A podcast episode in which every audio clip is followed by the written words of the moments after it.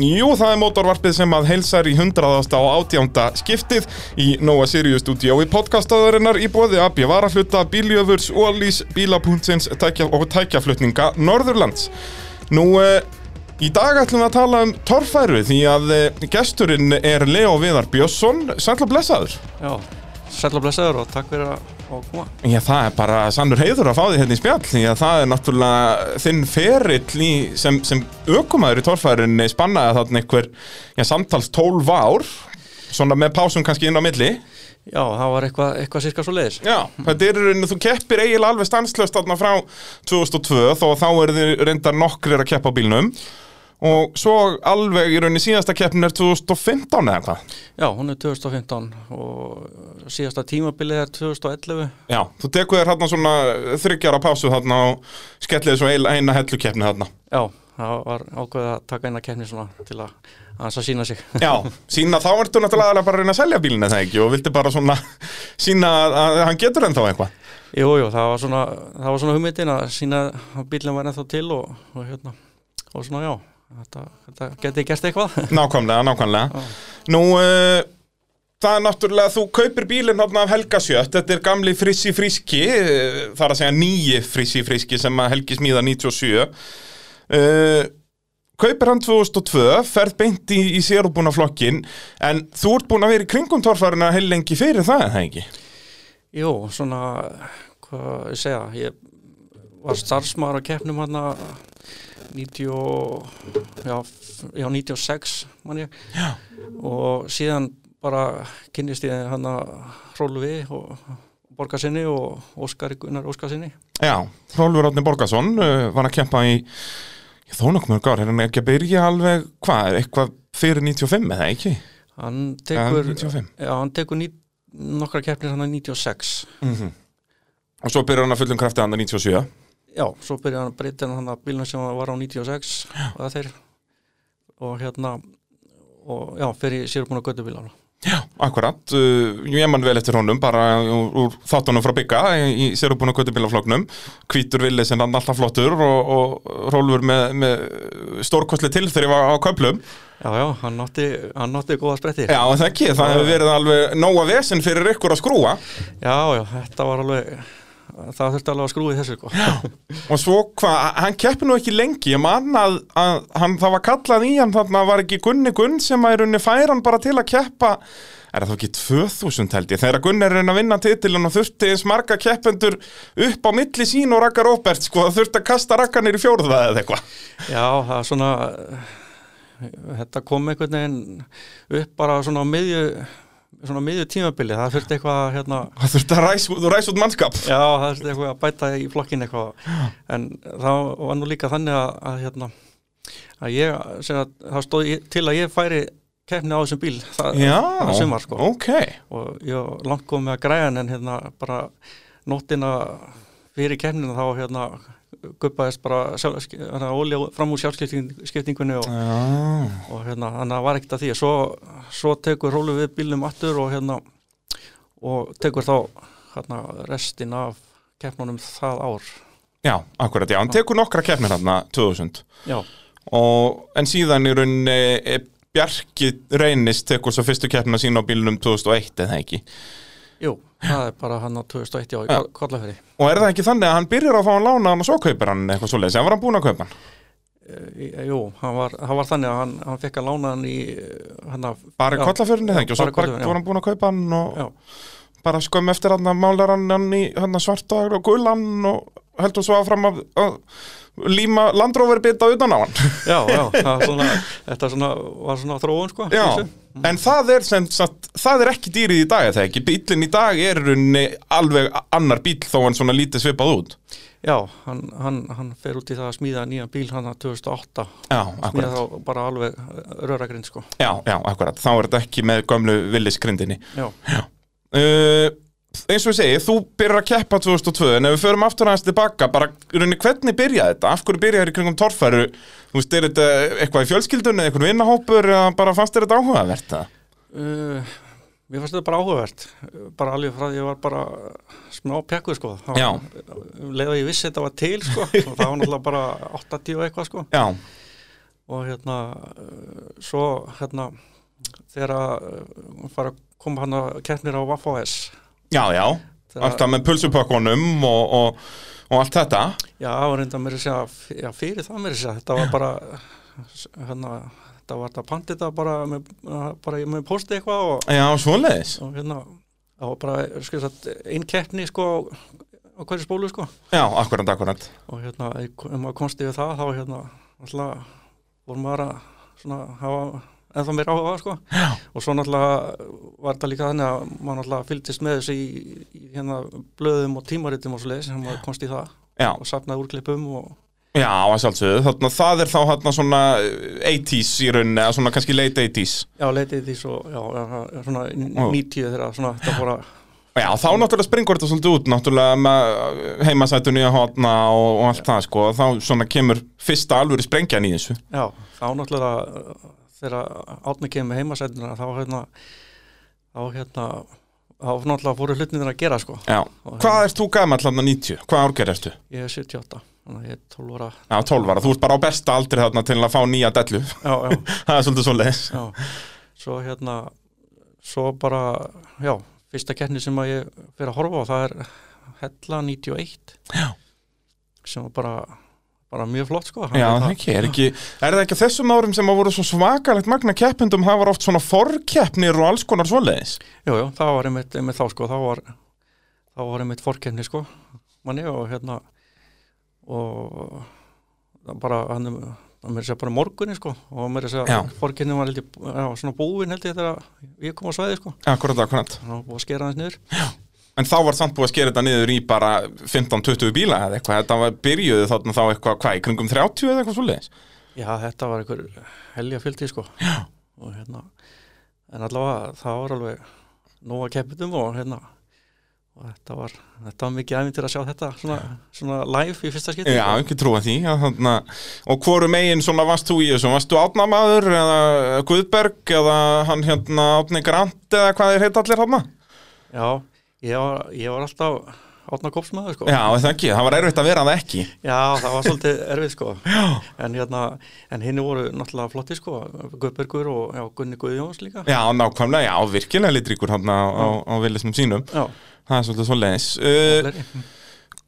Satt, hvernig kemur það svo til að byrja hérna með, með Rólfi er það bara hann að þekkti þeist þá fyrir og hann plataði svo þetta Ég, já, það er eiginlega já, eiginlega má segja að ég má saga á bakvið það eða svona að hérna, ég er svo sem ég viss alveg ég er svona, svona þekkti, eða vissi hverju voru sko, en þekkti þá ekkert sko. Já, akkurat. Og það var þannig að hérna, og þannig ertu það búin að vera duglegur að mæta á keppnir og, og svo leiðis þarna Já. síðust árin. Já, bara í raunum leðum bílpróðu kemur í húsa þá mætur á hverja keppni eða hvað? Já, já, maður, þegar maður fekk bílbróð, þá náttúrulega fór maður bara að keira, keira sjálfur að kennir og, og, og svo leið, sko. Og hérna, en sem að ég kynnist þeim eiginlega þannig að hérna, einhvern tíðan var ég á leiðin heim úr vinnunni bara, bara, sitti bara dags eitthvað og, og hérna, og hann á Akranesi það sem ég átti heima þá. Mm -hmm. og hérna, þá heyri ég að það er einhver þenni einhvern bíl hann einhvern svona amerískan, einhvern sem hún alltaf verið eitthvað aðdraftal Já, gott var fáttarljóð að maður hleypur ekki til burtu frá því. Já, og ég er enn að hljóðið og, og þar hitti ég Óskar þá hérna var hann að græða einhvern bronko jafa, sem að sem að stóð út fyrir, fyrir utan skúrin í honum og hann var eitthvað, eitthvað þennan eitthvað og, og hérna þá hérna best eftir eitthvað í tala hann sé að hjálpa Hrólfi svona í skúrnum að ræða saman bíl. Já. og hérna og hann svona býði mig bara að kíkja við og sem ég á að geri og síðan bara voru ég að mæta bara svona Byrjar að vesenast í skúrnum og, já, já, og, og eitt leitna öðru og svo varstu bara komin í servis. Já, það má ég að segja það Já. þetta bara svona þróið svona. En ég minna var það ekki bara stórgróða business? Þá hættir allan að borga þinn á kennar já, Varst í einsta hring. Já, já, já, þetta, þetta var stór gróði sko Hvernig, þú veist, var þetta bara eins og bjóst við þarna svona sirkusinn inn í pitt eða var þetta einhvern veginn svona eh, öðruvísi en þú bjóst við það? mm, þetta var svo sem, svo sem svipað maður náttúrulega var búin að fara ofta að mér og sjá þetta og, og svona fylgjast með sko. Já. þannig að þetta svona Var ekkert nýtt svo sem? Ekkert svo sem þannig nýtt sko. En bara gaman að fá að vera svona en þá meira með sko. Akkurat, akkurat. Uh, Svo þarna áttur að fá að keppa á Villisnum 2000 sem að varð ekki úr út af biljari samskiptingu. Uh, En þarna er þá greinilega komin alveg þessi hugmynd vel að þið langar að fara að prófa að keppa. Já, já, það er alveg, alveg komin svo hugmynd sko já. en svo sem ekkert ekkert komið það langt að fara að kaupa einhvern bíla eða svoleiði sko Nei, uh, en hvað, svo á næstu árum breytist það í að, að það þarf að fara að kaupa bíl Var alltaf planið að kaupa bara góðan bíl eða var eitthvað tíma plan að reyna að smíða eða hvernig, hvernig var prósessin annað? Uh, það var svona, það var alltaf hugmyndin að kaupa bara bíl Já. og við skoðum alveg við skoðum galdragull og, og, og hérna og samanlega Gunnar Eils á honum. Já, hann er mitt endar á selja hann hvað, er það fyrir 2003 tímubili? Það var það fyrir 2002 sem að Kristján kaupir hann. Uh, Var það ekki fyrir 2003? Uh, Kristján var bara með hann í láni held ég frá Gunnar Nú, það er svolítið, svo Kristján Jóhannes kaupir hann ekki á Gunnar. Nei, hann var, okay. hann var bara með hann, já, svona í láni og En þetta voru svona bílar sem voru á markanum hérna, svona flest allir hérna hættir að keppa, náttúrulega Raki skúla hættur og, og, og Gulli, nei, já, Gunni Egil's sömuleiðis. Já. Þannig að fari, þau fara að skoða alla þessa bíla. Já. Þetta sem þú óskar sem eru í þessu. Já, og hérna, og mjög ekki glemja Magnúsi Kristjánsinni sem var þriði maðurinn í þessu. Já. Og þið ákveðu að kaupa þess að þarna eru það að fara af stað og ætla að kaupa bíl saman eða hvað? En var það alltaf planið eða gerðist það bara einhvern veginn? Já, það er svona, það er svona þróast hann eða hérna, að við þrýr lögum saman í púki í þetta sko. Já, akkurat. Og þetta var náttúrulega, og það var svolítið gaman að því að við fórum ferðin orður að skoða alluðum að skoða frisa hjá Helga sko. Akkurat, þannig er hann uh, hættur að keppa er keppir ekkert eftir Ísak ævintýrið allt saman eins og, eins og Rækki skóla Já, og við fórum hann um veiturinn 2000 og já, eftir áramótin 2002 minnum ég og fyrir við hérna norður alluðum að skoða bílni og þá var hann ekki eitthvað eitthvað hérna eitthvað, hann var hann eitthvað upptekinn allavega og skoðum það bara aðra bíl í staðin sem voru kannski ekkert endilega til sölu en allavega voru bara Kiki skúrin allavega, sína lind Hvað voru það að skoða hann? Nordektrekan og, og fleiri? Já, já, skoðum hann bílna hérna, hún um sitta. Já, akkurat, bara þegar alla þrjá klónana hann, þeir voru allir smíðar á svipum tíma, eða ekki? Já, já, þetta var alltaf svipum tíma.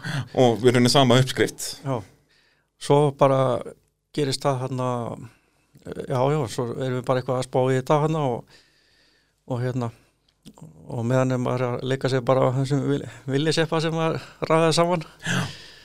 og hérna sem endaði svo í skiptunum. Já, það var svo leis, bara fjallægjapi Já, þetta er sko svo hérna fyrir maður hans tilbaka. Já. þá hérna þegar ég setja hann á köpið villi seppa sem var illa bara ónýtur. Já, það er svo leis Já, það var, var ekki, ekki góður sko. Já og hérna og ég eitthvað landum með nýrum í honum eitthvað eitt veitur eða eitthvað.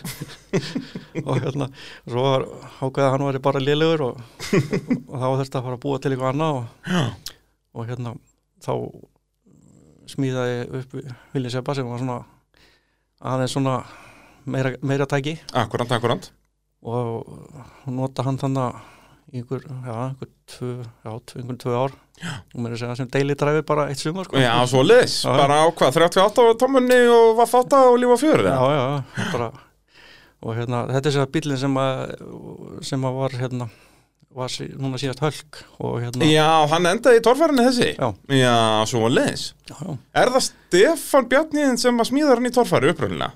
Eða það, kemur hann fyrir það?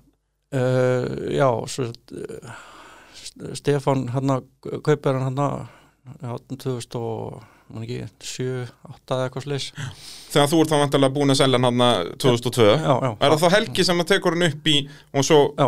fer hann eitthvað hann að milli á Akureyri? Já, hann fer hann að já, hann fer alveg þóna hvað mikið milli manna Allir með öllum hann fyrir norðan sko. og, og mér er að segja að kemur hann að sögur Akarnas aftur hérna í smá tíma. Nú, svo leiðis, já. En fór norður aftur Og það er Stefanurunni sem breytur hann í tólfæri bíla eða hvað? Já það er, endaði svo leys Þannig að þetta er þú, þú notaður hölkin sem daily driver eitt sumar, ég kann að metta það. Já, þetta hérna, maður kíkt á Eldborg og eitthvað á þessu. Já, já, um að gera. Já, já, já Það er hérna En svo svo, já, þið náðu ekki að skoða uh, frissan í þessari ferð en, en hvað, komið þið svo aftur og eru þið þá meira svona stánanir í að fara að kaupa hann eða, eða hvað? Já, svo, svo hérna gerist það hann að uh, já, hann að það er sko keppni hérna upp í bólöldu hérna bara hann að Fyrsta keppnin, ekki? fyrsta, já, fyrsta keppnin hann að 2002 Akkurant og þá hérna uh, fyrir á keppnina við, við hérna félagarnir og já. svo er hérna fyrir, stoppum við í Kentucky hérna eða við sé hérna í Mosó legin heim. Og þá ákveðum bara að ringi Helga og hérna taka stöðun á hann og þá vil svo vel til að hann er bara leiðin í bæinn Já, af keppni þá eða? þá- hann var að koma á norðan sem sagt. Akkurat, akkurat og við hittum hann bara hann að plannu og við sé bara. Já, það er svoleiðis. Þar sem að business dílar gerast. Já, það sem business díl að gerast. Og þá var ákveðið að við myndum bara renna norður til hans og kíkja á þetta og sem við gerðum svo og hérna, svo bara gerður ykkur díl þarna og, og tæki keift. En þú veist, nú myndi ég segja, sko, ef ykkur félagi minn væri að segja við mig, heyrðu, ég ætla að fara að koma með torfærubíl með tveimur öðrum félagum mínum, við ætlum að eiga hann allir saman. Þá myndi ég að slá hann þéttingsfast utanendur og segja að þetta sé hrikaleg hugmynd. Maður á aldrei að eiga keppnistæki með ykkur um öðrum, því að það endar bara í rugli. En þetta hefur gengið einhvern veginn hjá ykkur. Já, já, þetta svona, já, já, þetta gekk alveg svona bara, bara í lega held ég. Og hvað, það er aðalega þú og Óskar sem skiptast á að keppa til að byrja með. Já, til að byrja með, svo, já, hann að 2002, 2003, þá svona skiptum við þessu á milli okkar. Akkurat. Þannig að, að þið mæti fyrst með þennan bíl þarna, er það strax í aðra keppnina 2002? Uh, Þetta voru svo margar keppnir þarna, þetta fer allt í eitt gröð og eiginlega allar í bólöldu. já, já, það voru hans sem margar þar. Já, þetta var þarna þegar já, ég fess held þetta eiginlega allt saman bara, þessast lýja og, og það er náttúrulega ekkert af svona klassísku keppnum voru kominar aftur eftir að þeir fóru til Ísak, sko, það var engin hella engin akureyri og engin reygilstaðir. Já. Þannig að þetta endaði mjög mikið þarna bara í Jósastalunum. Já, þetta var hérna, já, í Úrstalinu eða bólöldinu og hérna í Stapafelli Akkurat, alveg tvær keppnir, það er það ekki. Já, all, jú það Og það voru samtals ekki átta keppnir, sex í Íslandsmótinu og átta í Formula frá Dópen. Já, þetta, það. þetta var alveg heilmikið að kenna sko já. Og það er ekki fyrir en já, við tökum hérna uh, já, við byrjum á blöndósi Alveg rétt. Það kemur þetta smá hlýja hérna mitt sem var í minni mig Já. og svo kemur blöndós og þá, þá tek ég fyrstu kennina Og hvernig var nú að keppa, þú veist, ég kann líka hvernig, meta sko hvernig þú gerir þetta að hoppa bara beint í sérubunaflokkin bara á, á bíl sem að var bara góður, svo þetta alveg búin að sanna sig í keppnum og, og fara bara að hoppa beint í djúbulögina með þetta. Hvernig var svo fyrsta keppnin? uh, Fyrsta kennin, hún var bara bara mjög góð sko Já, þannig lagað, þetta svo sem bara, maður náttúrulega bara læra á þetta og hérna finna hvernig þetta vektaði og hérna hann þetta, ég maður að út af einhverju þá vorum ekki ný, með nýtró á hann þá já, já. en Þetta er nú bygg blokk og hugulegt að þetta fer alveg áfram. já, já, það var hérna það var svolítið gaman að því að það var hérna einn ein brekka hann í, í kenninu sem að hérna sem að hérna sem að var svona, jú, jú, alveg sæmilega brett sko.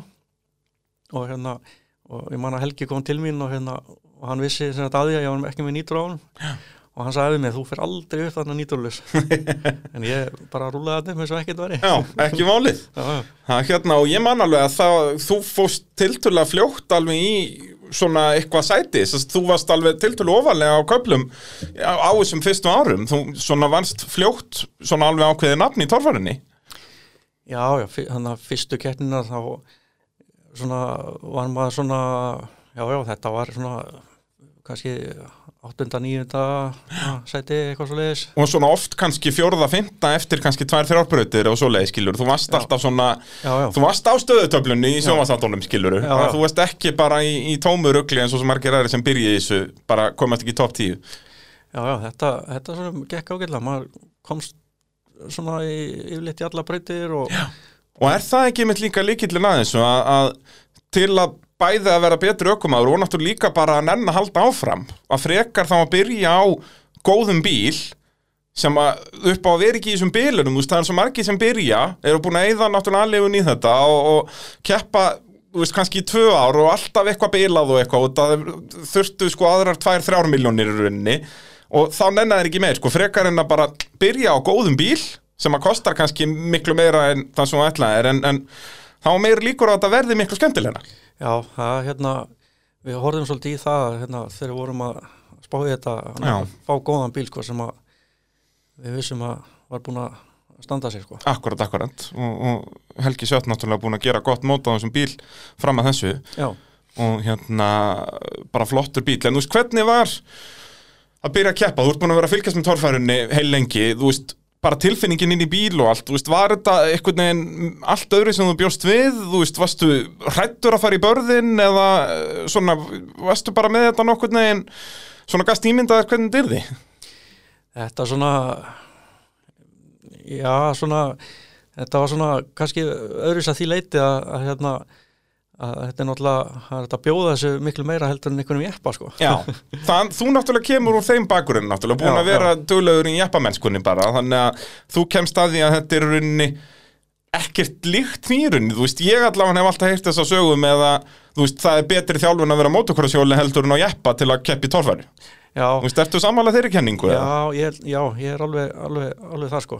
Ég, ég, og ég hef oft hugsað að hérna, maður hefur alveg viljað hafa þann grunn sko Já, það ekki, Já. frekar en að að lullum á okkur um jeppa á, á okkur um jökli Já, það er, það er ágætt að hafa það með sko en, Já, já. hérna, en, en, en, en hérna cross, crossara grunnurinn hefur verið mjög góður já. með sko Er það ekki, utan, Já. þú veist, mann líður einhvern veginn bara með skilur hvernig þú spilar á gjöf og allt þetta þetta er miklu meira eins og okkur fjórhjóli eða krossanra eða velsliða eða eitthvað svoleiðis frekar en sko jeppamennskunni þó að það sé kannski meira svona tækjadellan kemur þar skilur sem að hjálpar náttúrulega mjög mikið. Já, já, og, og kunna á að, að reka allt svona og hafa lent í alls konar bastli en, en svona axlulega myndi maður halda að væri svona hinnar í aðaríþróttirna sem myndi, myndi hjálpa. Já. Það, það er ekki spurning og hérna en, en hérna en þetta svona þetta svona kom svona ef maður náða að keira svona, eða svona og sérstaklega eftir að maður fór að geta tekið sko alla kenni sko. Já, eða svona, já þá kannstu stu- byggt svolítið ofan á eða þannig. Í Já. staðin þið voru mikið að taka aðra hverja keppni eða þannig að skiptast á milli keppna. Já, já, það var hérna það var hérna svona í byrjun sko, þá var það svo leis og hérna þetta allavega, já þetta svona fór að, fór að svona koma meiri stöðuleik í þetta þegar maður fór að geta kert svona ja- jafnara Já, akkurat. sem er þá þarna, hvað er það fyrst bara 2004 sem þú tekur alveru full season á bílnum eða hvað? já, uh, ég reyndi að teka ekki fyrstu keppnina Nei, þá hérna var búið ákveða hérna skella sem með til hann í Nórisferðina frægu. Já, akkurat. Já, það, já tímabili byrjaði henni alveg rétt. Já, það byrjaði einn hérna það byrjaði þess að tímabili á keppni hann við litli kaffestofuna Já. og síðan var farið bara í Norrænu. Já, og ferð þú í það ferða eitthvað? Já, ég fyrir með í þá ferð. Já. og bara og bara tekið sumar í leiðin eða svona og, Já, og og það ekki og hérna, það var bara var bara tekið rúndurinn bara fram og tilbaka með skipinu og, Og þetta var alveg hellerinn að ferðala þarna er ekki þið stoppið í færiðum og, og alls konar líf og fjör? Já, já, það var stoppaði færi um og hérna og hérna yfir helgi mér í seg hérna, Í rjóma blíðu Já, já, það var alveg fínasta fínasta blíða þarna og, og það var alltaf farið með hérna, bílanennir á bryggju og Akkurat, tekið smá sjó. tekið smá sjó hann eitthvað og, og hérna það var mjög gaman að sjá upplitið á færingunum þegar þetta var dreigið fram þarna. Já, þetta, mér þótti þetta nefnilega mega töff, sko, þeir bara opnuðu gamana og, og fóruðu út með rauninni og voru bara með sýningu þarna, fyrst þið voruð að stoppa yfir helgi í rauninni. Já, já, það var hérna það var ekkert annað að gera en að, hérna opna, opna kassana og, og hérna Reyna að smita færiðingin af svona, veist, þegar það er náttúrulega alveg góð tækjadella þarna í færiðum, sko, þú veist, þeir eru mikið með motorhjólin og, og bílabreitingar og alls konar, sko. Já, já, það er, það er einhver, einhver mótor á þegar maður sé sko Það er svolítið. Já. Uh, er eitthvað svona, eitthvað highlight sem þú mannst eftir þarna þessi fyrstu tvö ár þegar þið eru að keppa tveir saman, veist, þetta hlýtur að vera meira svona þú veist, fannst þér þú þurfa að vera að keira meira varlega þar svona og þú vildir ekki skemma bílinn fyrir Óskari? Og öfugt skilur að, að- þú veist, eða var alltaf bara neini, við græjum þetta bara saman? Já, ég held að verið svona verið þannig sko. Já. svona já, við vorum svo sem bara að hérna gera þetta svona bara já, fyrir eigið budget um Já, já. svo og þannig að við vorum svolítið mikið að svona bara læra inn á þetta og við komum sljótaði að það voru svona vissi hluti sem við þurftum að laga í Já. bílum svona til þess að gera hann aðeins svona aðeins svona áræðanlegri Já, akkurat. Þeir fóruð í raun ekki miklar breytingar á bílnum þannig síðan, en, breyttu honum aðeins þá bara, semst, þið sáu strax að það voru einhverjum hlutir sem virkuði betur en aðrir og svo framvegis. Já, já, svona við þurfum að að styrkja hérna framásinguna aðeins og, og, og hérna setja annan millikassi og, og svona eitt og annað svona sem að þurft að laga Helgi var nú dólaður að stúta millikossum hann á, sín, á sínum tíma. Já, já, það er hérna hérna aðeins að, sm- að smaka á því sko Já. En hvað endar þá, eru ljónakassarnir komnir þarna, já, en það ekki, þeir eru að byrja þarna. Jú, það, Hentuðu ljónakassa í þennan? Snemma. Nei, það kemur ekki í ljónakassi þennan fyrir bara 2006-7 eitthvað svo leys Já, svo leiðis, já. Já. En hérna en þannig í mildtíni þá settu bara svona bara svona játlungur bara Já, já, bara nógu djúvillig þungt svo að brotningi. Já, hann, hann, hann líka fór ekki neitt sko Nei, nei, nákvæmlega og hérna, en annars var þetta bara sama byggblokkin og, og loftbóða fjöruninn og, og já, kannski aðeins styrt hásing og eitthvað, ég man nú, var það ekki á hellu 2002 sem að eitt framhjóli brotnar bara undan á leiðin upp rekku, bara í engu átæki Jó, það bara hérna það gaf sér bara felgum við hann. Hún bara, hérna, það var einmitt Óskar að keppa og hérna. Og það var einmitt hérna eitt sem að við þurftum að gera, við þurftum að greiða okkur eitthvað fleiri dekk sko. Já. þannig að við fréttum að því að það var, í, var til sölu hérna 36 tómuðisina sem að Þóri Sett var með hérna. Alveg rétt. Og þær voru keftar hérna, af því að það var bara ekkit mikið til að öðru. Já, já, bara, þið þurftu að kaupa þær, það er eina sem var til sölu. Já, já, það var sett undir og það var eitthvað eitthvað að slappa miðirnar í því eitthvað. Já, akkurat. En þið náðu að vera hipp og á stórum ausum allavega.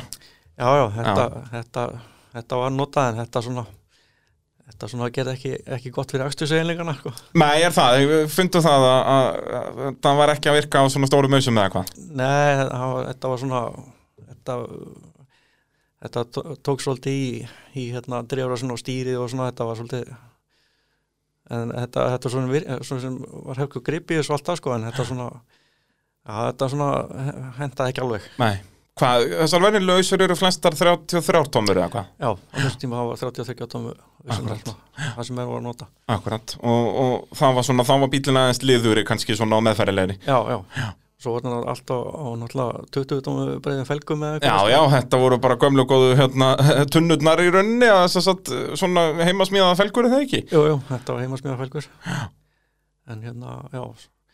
En það er hérna, já, 2004, já. Já, Þá hérna- byrja tímabilið í, í sólinni í Noregi. Já, Hvernig, hvernig gekk svo keppni, það gekk nú ekki sérstaklega vel hjá verið það? Ég man það ekki. Já, þannig að 2004, þá fer ég, fer ég bara út sem bara, Sem er rauninni bara í service servis, sko. já, já, Hjá hverjum ertu þá í servis þar? þá var ég með Bjarkar Einis rétt. Svona, aðalega Heldur í sama bílinn alltaf? Já. Sama hver keirir hann? já, já, já, já, já, já, svona var svona já, hann var náttúrulega hann úr sveitina vestan eins og, og hinn í strákvæðinni sko, hann var bara um að gera alltaf áfram með það. Um að gera, um að gera. já, Og það var heldur en að keppni. Var þetta tveggja daga keppni, manstu það? já, Já, það þetta voru tvær keppnir. Já, já, já, tvikið dagakennir Og ef mann rétt vann Halli eða ekki, Halli P. Á leðsinni að verða meistari það árið. Jú, hann tók sér og búin að Ég flokkin held að hann pakkaði báðum flokkum. Og Bjarki var nú að standa sig vel þarna. Þannig er hann svona að byrja að vera eh, reglulega á topnum já, já, þeir og Bjarki og, Og Gunni náttúrulega. Já, Gunni Gunn, þeir fóru þeir fóru út í, í, í, í hérna göttubíla flokkin sko. Já, þarna náttúrulega þurftu að vera að senda göttudekk undir Eða þess að jeppadekk já, já, það Já. þurftu þeir að gera Og það. er svona verið að reyna sameina reglurnar í rauninni. Já, að hérna, voru þurfti ekki allir að setja hljóðkúta í bílinn og alls konar svona eitthvað jú, jú, það þurftu að að dempa niður hljóðin eitthvað. Og, og það er einmitt allt til að og svo var mennum við líka stigareglunar, að keppnisreglunar voru aðeins öðruvísi eða það ekki, bara út af að við vorum að reyna saman af reglunar í báðu megin að það var eitthvað örlítið, ég man nú ekki hvað það var en það var eitthvað svona eh, til að samræna hvort það var þá fórum aftur í 300 fyrir lengt en ekki 350 eða eitthvað, ég man ekki nákvæmlega hvernig það var. Já, þetta, þetta var eitthvað, eitthvað svoleiðis, ég man, man þetta ekki alveg þetta svona, það var, var verið að reyna að hérna, já, hafa þetta svona svipað á báðum stöðum. Akkurat, akkurat að þetta var svona þægilegra. Uh, Mótorvarpið hann sjálfsögur bóði AB varahluta, þeirra sjálfsögur með vestlanir út um allt land, Reykjavík, Akureyri, Reykjanesbæ, Egilstöðum og á Selfossi, allra bestu varahlutir landsins og hvetja alla til að fylgja þeim líka á Facebook og samfélagsmiðlum, það er alltaf líf og fjör hjá AB varahlutum, það er nú bara svo leiðis. Uh, þið komið svo heim frá Noregi og þá fer þú bara að keppa all-in í Íslandsmótinu, tekur allar keppnir eftir það en það ekki, 2004. Jú, þá tökum við alla keppnir sem voru hérna heima Og ert þú þá búin að kaupa bílinn alveg eða hvað? Já, þá er henni kaupi ég Óskar út Já, og þá erum við Magnús áfram saman með þetta akkurat. alveg til, já bara, þannig til að bílinn er seldur Já, það er svo leiðis, Já, já. voru alltaf saman með bílinn. Já, já, og ég er með sem sagt, á, bílinn var sagt, heima hjá honum sko fyrir vestan Já, þannig að það var svona smá uh, sagt það var 150 km í skúrin já, það, þá er um að gera láta ferðina, sko, gilda það þannig að gera nógu djöfulli mikið svona loksins sem að nefndi í skúrin. Já, já, það þurfti að svona aðeins að hérna, svona halda aðeins á spöðunum ef maður ætlaði að gera eitthvað Það er að skipulegja þetta vel. Já, en hérna já, það og við tökum hann alla kennir og það er hann er þannig restin af Norrlandamótinu að því mótið er hérna stapafell og hella. stapahöll og hella. Já, akkurat. og hérna þetta er hann kenni fræga sem að hefði kannski ekki orðið af því að Já. norsku bílendum voru fastir. Já, það er bara magnað þegar ég fekk hérna Garða Gunnars í spjall þegar hann er að tala um þetta bara, hann voru veðsett húsinn og ég veit ekki hvað og hvað til að ná þessu tolli og eitthvað. Allt í, allt í skrúinni, sko. Já, já, það hérna að hérna, erum oft leikið okkur það er svona stríkt okkur aðeins tollurinn sko. Já, það hefur verið bara sögulegt, sko bæði hérna þegar við erum að fara út og þegar að- aðrir eru að koma að hinga, þetta er alltaf sama veðsynni Já, það er hérna það hefur svona aðeins aðeins loðið við en, en, að, að þetta svona hefur alltaf alltaf svona reddast þegar það hefur þurft sko. Það er alltaf, já, nákvæmlega, það er alltaf þú veist, á loka klukkutímanum bara, heyrðu, nei, þetta verðum að fá bílarna, sko. Já, það er hérna, eitt gott dæmi sem við getum kannski komið að, núna á, ef- á eftir sko. Já, já, að hérna með þetta hérna, að það hérna þurfti aðeins að hérna íta við þeim. Hvað hvenær er þetta? Þegar þú ert á einhvern tímann að fara út með þinn bíl? já, já, þannig Hva, hve- hvenær er það? Við um að gera að tala um þetta núna, annars gleymum við þessu. Já, gleymum Það var hérna 2009 þá eh, fyrir til nei, hérna Danmörkur Akkurat. Og þá neila ekkert uh, stefnan að fara þanganetni en hérna en hérna, það ringdi maður í mig hérna, nafni Guðbjörg Grímsson. Já, og þá var hann komið með hérna bakteríuna eitthvað á staðatur já, og ég komið puttan í þetta. Já, og búin að fá bílinn hjá Sigga Jóns lánaðan eitthvað úti og, og hérna og hann langaði að keira eitthvað meira og hann, hann hafði sambandið mig og, og spurði hvort að ég vildi koma út að keppa og, en, og, og, og hann myndi þá keppa á bílnum á mótið með sko eða, sem sagt, Akkurat. Þannig að það væri tveir Íslendingar. Já, já, þannig að ég bara það var hann að kenna á Akureyri. Já. Þannig, já, bara voru hérna Já, þannig er akkurir alltaf fyrsta keppnin. Já.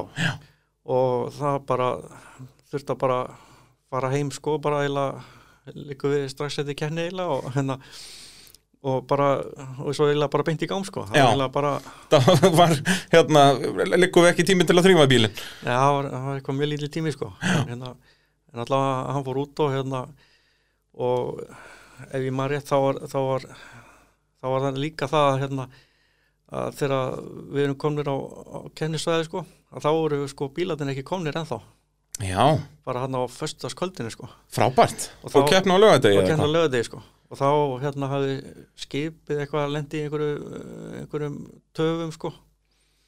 Og það bara þeir bara komu hérna bara eitthvað rétt eftir miðnætti eitthvað sko. Já, svoleiðis, bílarnir loksins. Já, Og bara- þá kom þær beint á keppnisvæðið að voru þið að sækja þá eitthvað eða? Já það, það var búið að græja það að það verið komið með þá. Akkurat. Gámanna Þannig að þeir koma þarna seint á föstudagskvöldi og, og Já. keppnin byrjaði hátaði daginn eftir. Já, já, það var eitthvað, eitthvað svo leið þetta var allavega mjög svona skröðlega það Já, maður geti ekki verið meira á síðustu stundu? Já, svo já, kefti hann úti og það var svona, það var svona sem ekkert mikill árangur það og nefndum í smá, smá bílana brassi eitthvað og, og hérna en hérna síðan kemur bílinn heim eða, eða gamanir með, með bílunum og, og sem sagt koma á þriðju degi upp á, upp á höf sko. Já. og þá vorum við bara klára að sækja á og hérna, það var eitthvað eitthvað erfitt og hérna og það endaði með því að, að við náum í hátinn á föstudegi. Já, og þá var þetta eftir að keira á Ílstæði af því það var kemur löði það var þétt prógram þarna að býða eftir bílum og gámi. Já, já, Það er dásamlegt. Já og þá hérna átti þetta að keira á Ílstæði og ég átti eftir að laga minna þess að þetta skipnum hérna flexblötu og eitthvað og, og hérna það vildi til að ég fekk að fara inn hjá honum Guðlegi Sindra, já okkar maður. Mikla meistara Já, og hérna greiða það að hérna, þetta, þetta slapp allt en þetta var svona þetta var svona já, þetta var svona leið, leiðileg viðbót. Já ekki trúa því já, og svo náttúrulega eins og segir að fara að keira á eigilstæði sko, og, hérna, og, og fara að laga bílinn. Keira með bílaðan bíl á eigilstæði á föstudegi og keppni á, á lögadegi það er, uh, það er pínu spes. Já, það var svolítið program sko. Það er ekki trúa því.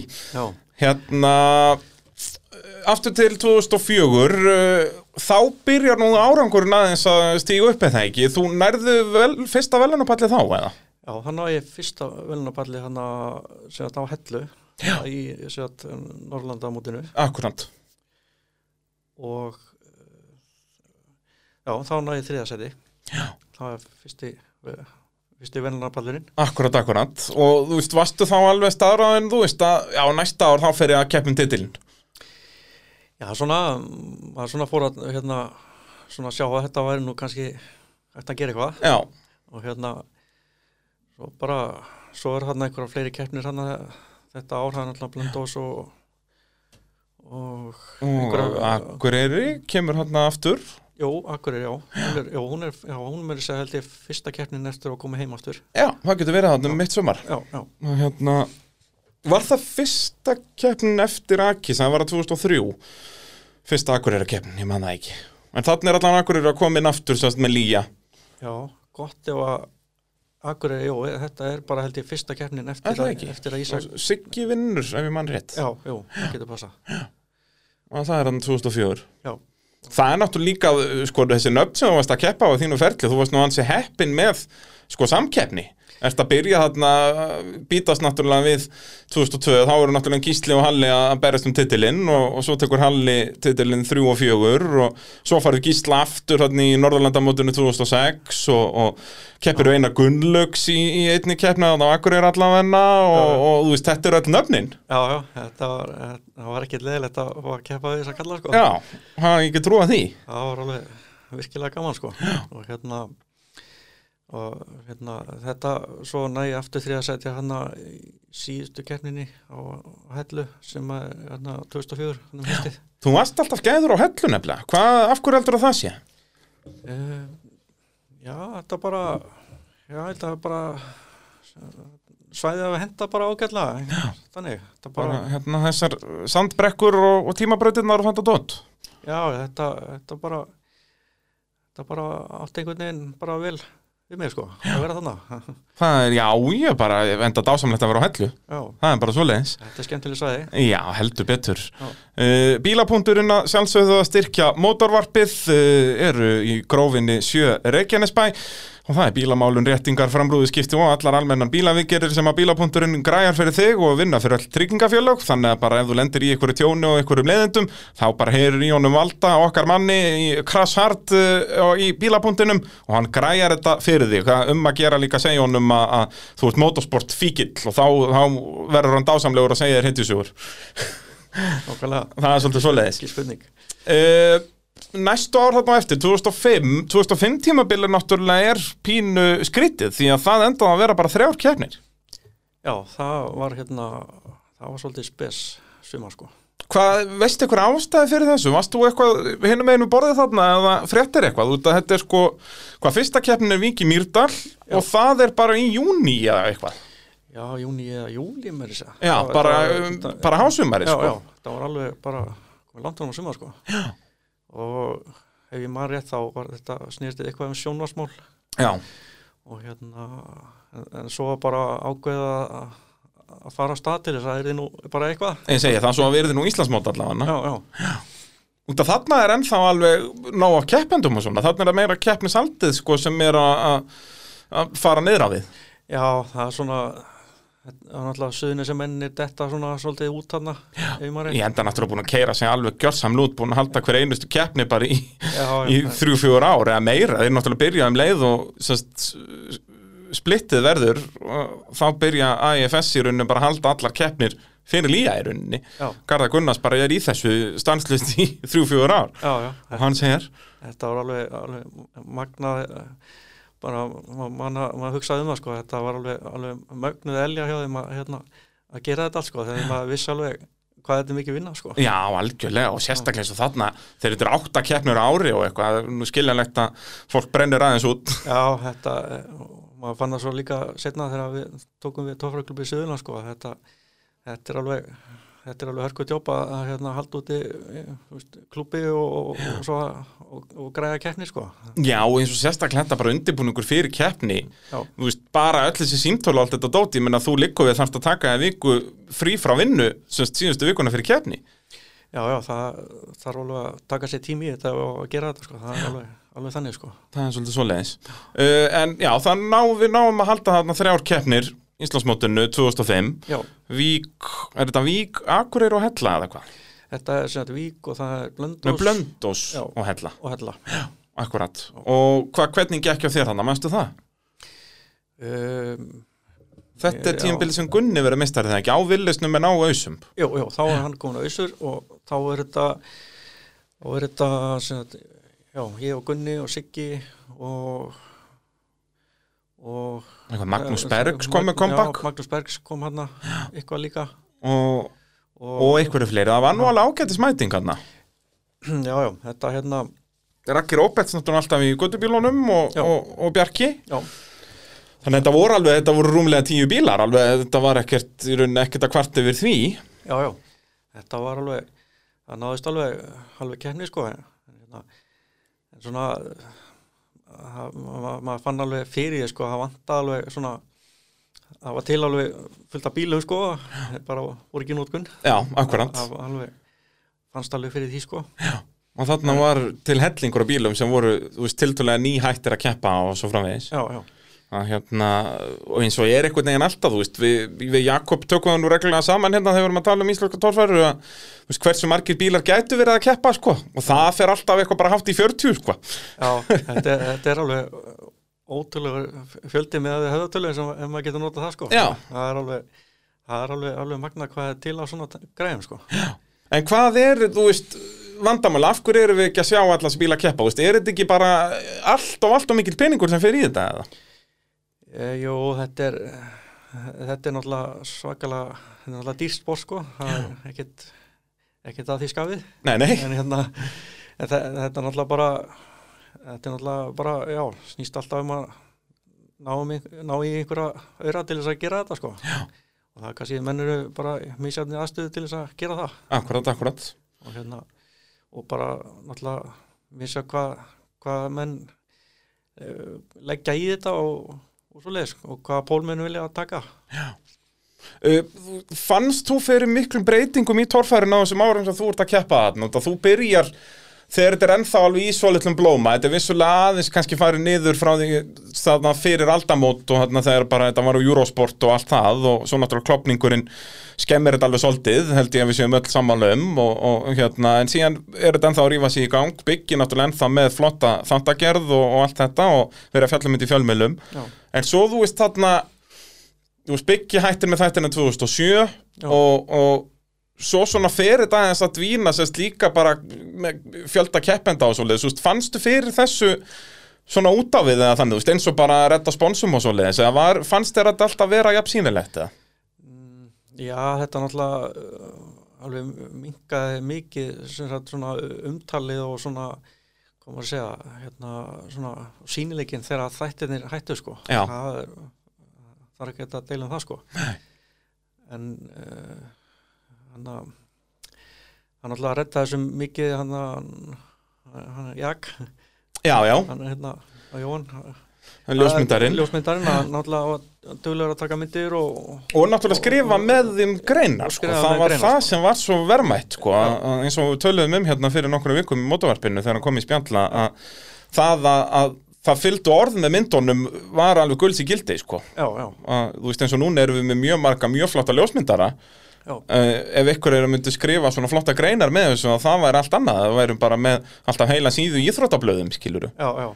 Það er hérna, það hérna, gerði alveg helling sko. en hann náttúrulega hættir bara svipa leiti og byggi það er hérna 2007-2008 eitthvað svo leiðis Já, já.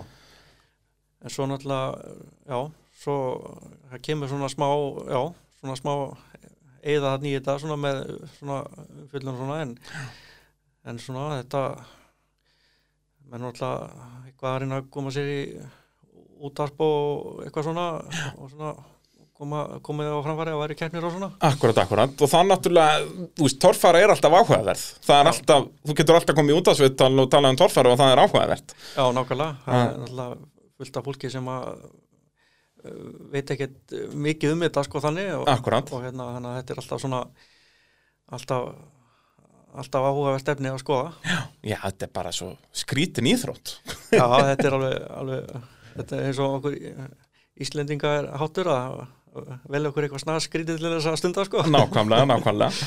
Það er bara akkurat svo leiðis Já, uh, Næstu ár þarna á eftir Þú heldur áfram að keppa þarna, veist, það eru þessi ár sem þú ert hvað duglegastur að keppa eða ekki, þarna Jú. 5, 6, 7, 8 jú, það er svona jú, það er svona þau ár sem maður svona mest já, í þessu og maður já, svona, tekur alla keppnir þessi ár sko.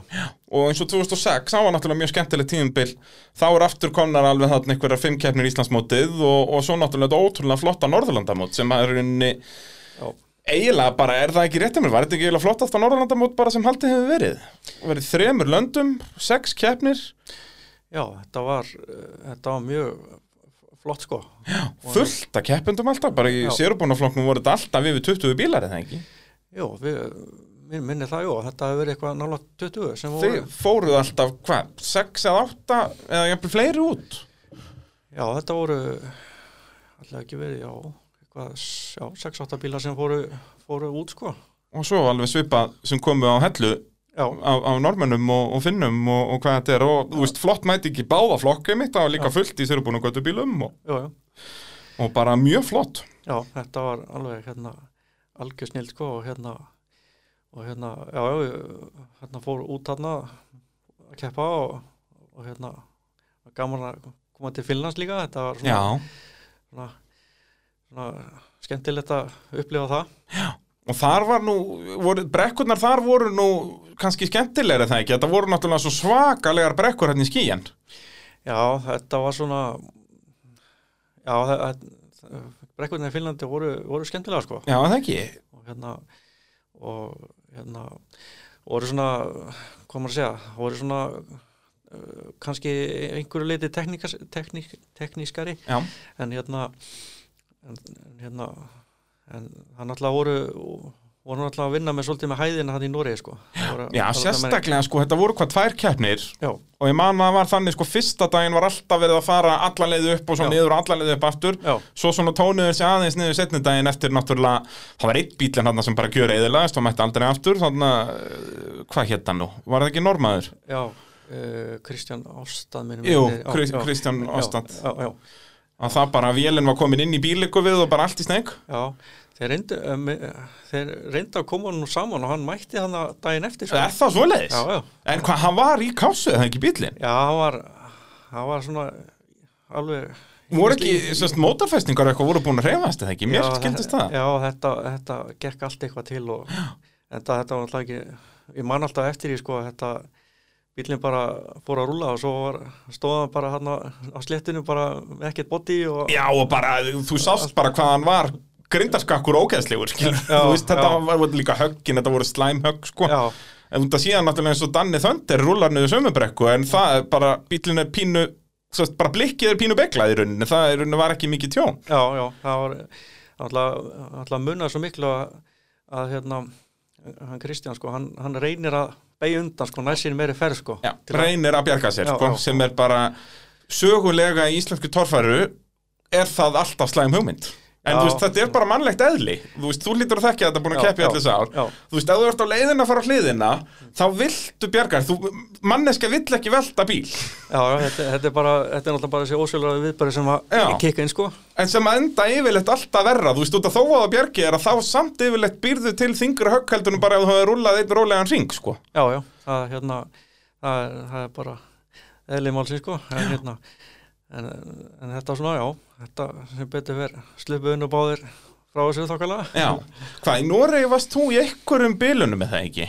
Jú, Minni það? jú, það var það var eiginlega bæði í Finnlandi og, og Noregi sko þá Já. var smá bilnabrans og, og eiginlega bara súrasta við að það hérna, fannst ekkit útrýð fyrir að bara að koma heim sko Já, það er náttúrulega agalegt, sko Já. Að vera að fara að núti tvöfaldakeppni og Já. einhvern veginn allt í skrúin enda mann maður nú á, þáttunum fara að bygga stýri þegar það fekk aðeins að finna fyrir því Já, þetta er svona fór aðeins í skapið á kallinu Já, en hann hérna Magnús, heitir hann það ekki sem var með þér í þessu Jú, að, vildi hann aldrei keppi í þessu? Var hann alltaf bara á hliðalínunni? Já, hann svona hann svona tók þann pólinn á það sko hérna þótti rosalega gaman að vera í kringum þetta og svona og, og bara sagði með því þessu sko já. en hann svona já, svona vildi ekki vildi ekki svona taka taka skarið og, og prófa sko En hann prófaði aldrei eða eitthvað? Nei, ekki nema bara svona einhver, bara leikarskap Já, ég segi það, þú veist, hann, sko. hann keirði bílinn en Já, hann já, aldrei á hann Já, svona settist undir stýri og prófaði sko en, hérna, Já, en hérna já, þetta hérna, hann var allavega mjög svona alltaf, all- alltaf haft áhuga á þessu. Hann er alltaf búin að vera lengi í kringum þetta. Já. Hann alltaf með rólfið frenda sínum og, og þar áður með Guðmundi Sigvalda sko. Já, svoleiðis, hann Já. er bara, bara legend í þessu.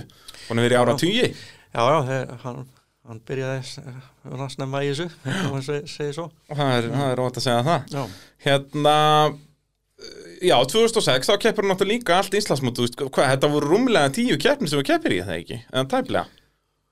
Þetta voru já, þetta voru hérna, já, hvað fjóra keppnir úti og svo eitthvað, já, eitthvað annað eins heima sko. Já, og hann voru ekki fimm eða sex heima? Þetta var eitthvað. tvær á hellu náttúrulega sem var Norrlandamótið og svo alveg Raun allar hinnar líka, Akureyri og Blöndós og, og Jósefsdalur líka eða ekki, eða hvað, voru ekki á Jósefsdalun þar? uh, ég held að hann hafi verið komin í frí þarna Já, hann geti verið, Já, en það já. búið að nota hann alveg nóg. já, það var búið að, að spóla svolítið þannig Já, það er eh, búið að bara leggja dekk og stikur nánast á hvern einasta stað sem mögulega hægt er að leggja dekk og stikur. já, já, Uh, áranguslega séð, hvað vo- voru svona þín bestu ár þarna á ferlinum? uh,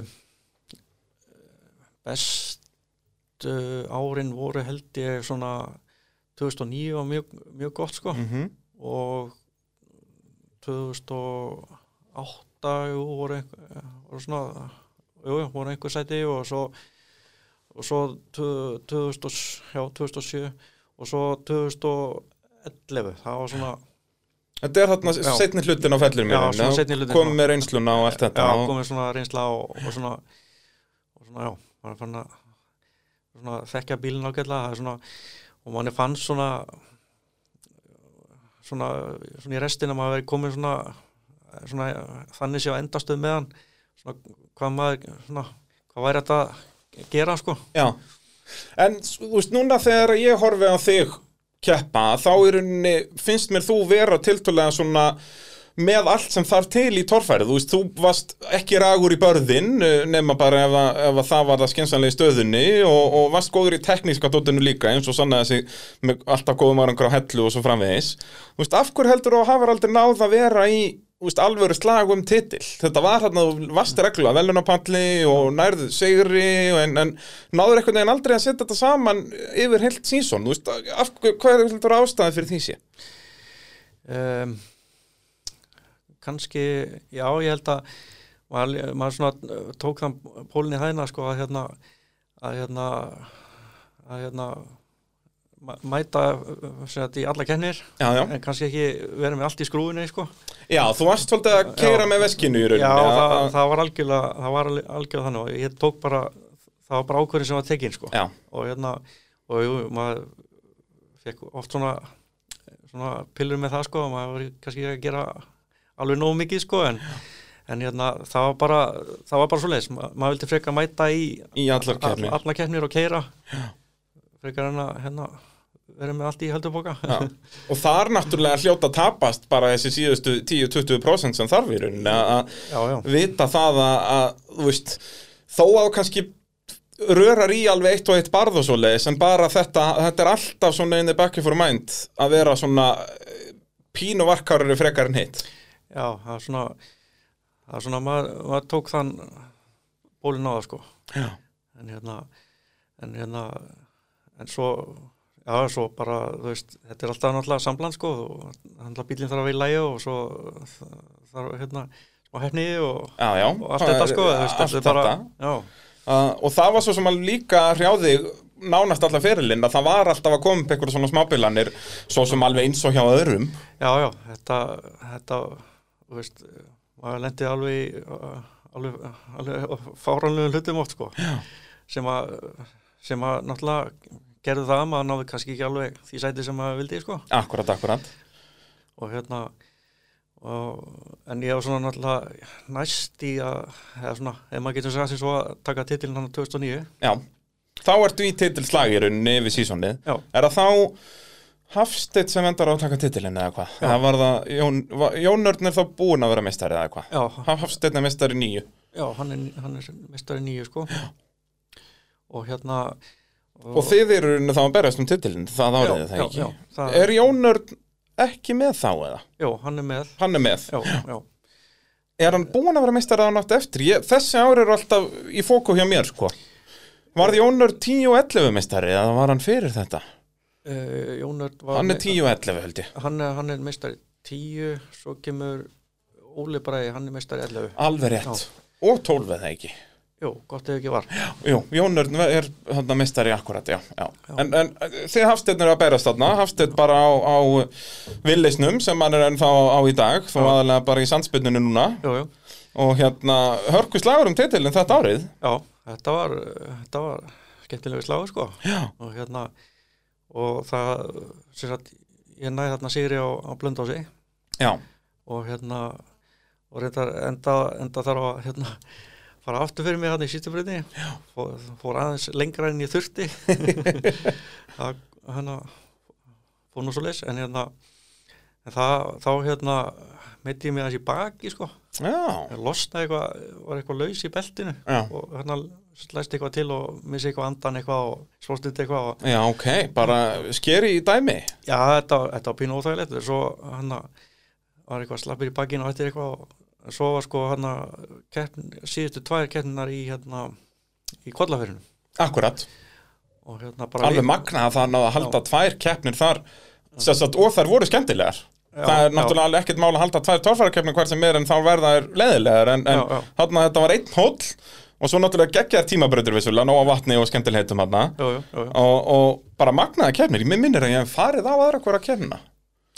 Já, þetta voru hann tvær keppnir og, og hérna og þá er runni bara veist, ég var með einhver þrjú stigi forskot eða eitthvað fyrir Já. þessar tvær keppnir eitthvað svona þannig að þetta, þetta gat alveg farið á a- a- alla vegu sko Akkurat, akkurat og það bara endaði ekki í mín veginn sko Hvað fór úr skeiðis þarna? Hvernig, hvernig voru útlitin? það, fó- sem sagt, hann á lögadeginum þá, þá bara í fyrstu breyt þá bara, bara fer skiptingin Já, og bara, bara fer og, og við erum með varaskiptingu og, og skiptum um hann hvort að við mistum úr eina breyta eða eitthvað. Og, og svo bara fer ég í einhverja bíllengd eða eitthvað þegar það komið saman og þá, þá fer hérna fer öxull í henni. Já, frábært. Þannig að þá var, var hlutalagunni búin hjá mér þannig að ég fekk lána þriðskiptinguna Já, og þá náttúrulega var sá dagur bara ónýttu sko. Já, já. Og hvað, var það alveg bara núlstig eða náður að skrapa eitthvað nokkur stig þarna? Ég endaði bara 11. sæti eða Já, eitthvað og ekki stigasendi ekki stigasæti og, og svo daginn eftir þá svona bara já, var maður bara ekki já, bara ekki vel, ekki vel stemdur og bara Nei. það var svona já, svona já, Já, þá var þetta orðið, já, já, hugarástandi er náttúrulega magna apparat í, í torfæru og Já. eins og þarna, setnindagurinn þú veist, hausin ekki á réttum staðin þú veist, það er náttúrulega mjög skiljanlegt og þá er náttúrulega ástand orðið þannig bara að þú verður bara að vinna.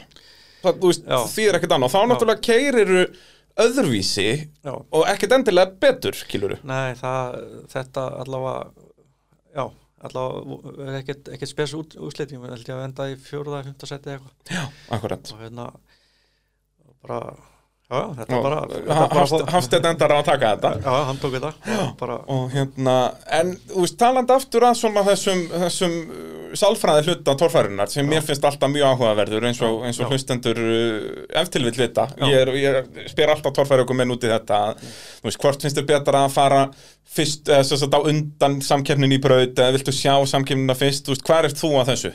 Fannst þér betra að sjá, sérst, segjum bara sem svo að þetta væri einhver hinn fullkomna braut sem að breytist ekkert milli bíla. Nú er ég bara að tala um þetta að sjá keppendan eða ekki, veist, Mm. auðvitað vill maður yfirleitt vera aftarlega og þetta brautir þróast þannig. En, en bara þetta til dæmis, þú, ef þú ert í einvíi við eitthvað, viltu Mm. sjá hann fara í brautina fyrst eða vilt þú leggja línunar? um, já, maður var svona, svolítið í, í þeim, í þeim gýr, sko, að vilja sjá svona, eða svona, hvernig, hvernig hlutinu þróist. Já, en svona en samt var ég með það sko ég var svona alltaf samt búin að ákveða mína, mína línu sko. Já, akkurat. Já, þú, svona- þú náttúrulega þið farið yfir þetta í brautaskoðun og búin að ákveða hvernig þið farið, en, en það hlýtur líka að breytast, þú veist, ef þið farið síðan kannski með síðustu bílum í brautina, já, þá hlýtur það í sjöfum tilfellum að breytast er það ekki, Hva, hvað þið ætla að gera bara eftir að hafa séð alla aðra. já, já það, það gerir það klálega sko. Og þetta er hérna og þetta er svona hluta því að maður þarf að svona uh, vera búin að leggja línu en svona samt sko geta séð sé þetta út sko eftir í hvernig, hvernig breytirnar keirast til Ég er náttúrulega búin að vera svo heppin núna síðust ár í bara minni þátt að gera svona. Ég get verið að lappa með þeim í brautaskoðun og allt þetta og, og, og verið að fylgjast með alltaf á, á, á fremsta bekk. já, Að, þú veist, núna finnst mér eiginlega mikilvægara, sem sagt, þú veist, ef ég, ef ég var að fara að keppa og ég þyrfti að velja annarkvort fyrir brautaskoðun, og, en ef þú fyrir brautaskoðun þá máttu ekki horfa neitt fara í brautina eða ég má horfa á alla fara í brautina en má ekki fara í brautaskoðun. Ég myndi allan tíman velja að horfa aðra að fara í brautina. Já. Ertu saman að því, já? um, Ef að, þú veist, ef það bara reglan væri þannig, ef þú fyrir brautaskoðun þá máttu ekki horfa neitt fara í braut. Já, þá verður þú bara að vera búin að ákveða þína þannig að ef hún breyt, keirist eitthvað til og eitthvað þá bara veist ekki um það. Já. þú ert bara búin að ákveða þína línu já. eða öfugt. Já, það, það er náttúrulega uh, þetta er náttúrulega þetta er náttúrulega sjónræna er svona svona, svona sterkara þannig að svona finnst mér sko að, er það ekki nefnilega, Já, þú veist að sjá, þú sér kannski eitthvað hólu eða eitthvað Já, smá já. barð og eitthvað pælir og pælir. Já, en þú reis, veist í rauninni ekki ennþá hvernig hindrunin er fyrir þú ert búin að sjá torfærubíl reyna þetta, skilur já, já. Og til dæmis ég kan nú bara nefndi eitt gott dæmi hérna, ekki hérna 95 þegar hérna hann á hellu þegar Gísli G. keirir allt bílnum, Nákvæmlega, sko. Bara eh, sennilegt besta dæmi Já, efer já. út af þá er hann búin að vera kafi að gera við Turtles-bílinni það ekki? Jú, að, sagt, að bara búin að vera inn í pitt upp á sléttunni já, sá ekki brautina. Já, og rörar og tapar Íslandsmyndarartilli út að hann bara eyðilegur bíli sinn í, í sandbarðinu. Já, já. Þarna, þarna hefði mögulega hjálpað hann að sjá hvernig hinnu voru. Já, algjörlega, að hann hafði bara gert það sama. Já, já, og, og, og þá hafði hann verið beigja jafnmörg stig en með bíl í lægi, þetta var náttúrulega magna síðan. Það er náttúrulega keppniskapin í Gísla er á einhver öðru plani, sko. Já, já hann, hann er alveg, alveg grótmagnaði kall. Já, og það hérna, fyrir það sem að vita ekki hvað erum að tala um að þá sem sagt bombar hann í svona klassísku sandklöppina þarna á hellu og framhásingin fyrir henni það mikið aftarlega rústar það bognar sveifar á sinni þegar ekki? Jú, og náttúrulega fer ekki millikassa eða skiptingu út að þetta lemst allt aftur og náttúrulega alla stífur að framann bognar og þú veist hann endar á út að það var bógin sveifar ás og þá e, fer alltaf vökvastýri sér eimin af og þú veist endalist vesen. Já, þetta var alveg alveg vonlega, eða svona vonlega bara átt á hjá hann að stýra þessu með, Já og var búin að missa tveimur brautum eitthvað þetta Já, var já. búið spil ba- bara strax átna sko. en það er einmitt, þetta er bara skólabókut en þetta, að, að það er í rauninni verðmætara að horfa aðra í braut heldur en Já. brautaskoðunin. Þó að náttúrulega brautaskoðunin er mjög mikilvæg ég er ekki að segja það. algjörlega, algjörlega. Það hérna, það náttúrulega uh, hjálpar alveg ekki spurning að að það hjálpa til að, að svona og, og, og, hjálpa mikið að líka taka sér kannski tíma þegar að hópurinn er búin að labba og fara kannski aftur bara einn og sér með sínum Já.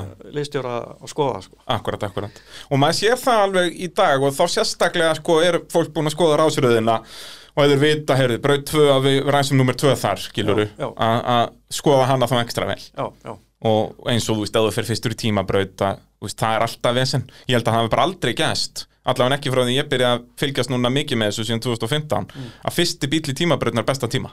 En Það bara gerist aldrei. Já. Þú veist, það hjálpar svo mikið að vera með för. já, já, það, það hjálpar alveg, alveg til sko.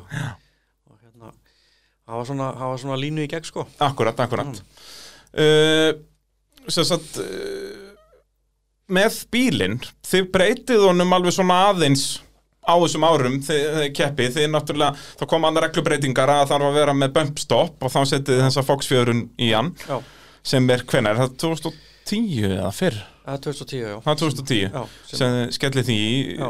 svo mann ég, þú veist, útlistlega þá tókuðu rassin af honum þarna eitt, eitthvað árið. Já, var það aðalega bara til að létta hann eða?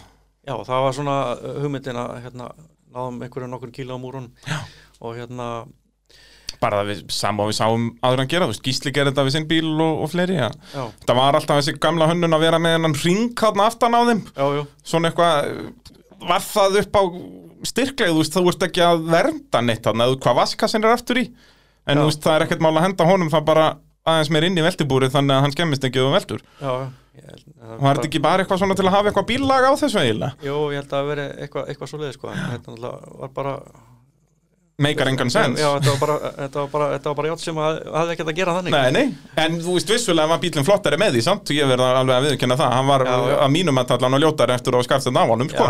það kom svona annar lúk á hann sko Já. svona, já ég, það er alveg það er alveg rétt sko, hann var ekki alveg eins svona mikil stíl á hann sko Nei, nei, það er líka bara, þú veist, eins og bara draumurinn er í dag, það Já. er sennilega bara einn af mínum uppáhald stórfærubílum, út að hann er bara beint frá 97, sko. Já, já, þetta er bara Það er ákveðin sjarmur í því, sko. Já, já, það er gamli skólinn sko Já. En hérna uh, Já, við breytum honum ekkert uh, þannig við, þú veist Þetta er alltaf sama kram í rauninni sem þið eru að nota, eða sást allavega vél, og, en þið náttúrulega breytið eitthvað með millikassa, farið eitthvað í öðruvísi skiptingu eða? Nei, það er alltaf sama skipting bara. Sem var, var þetta hvað, 400, neða, 350 350 bara? Já, já.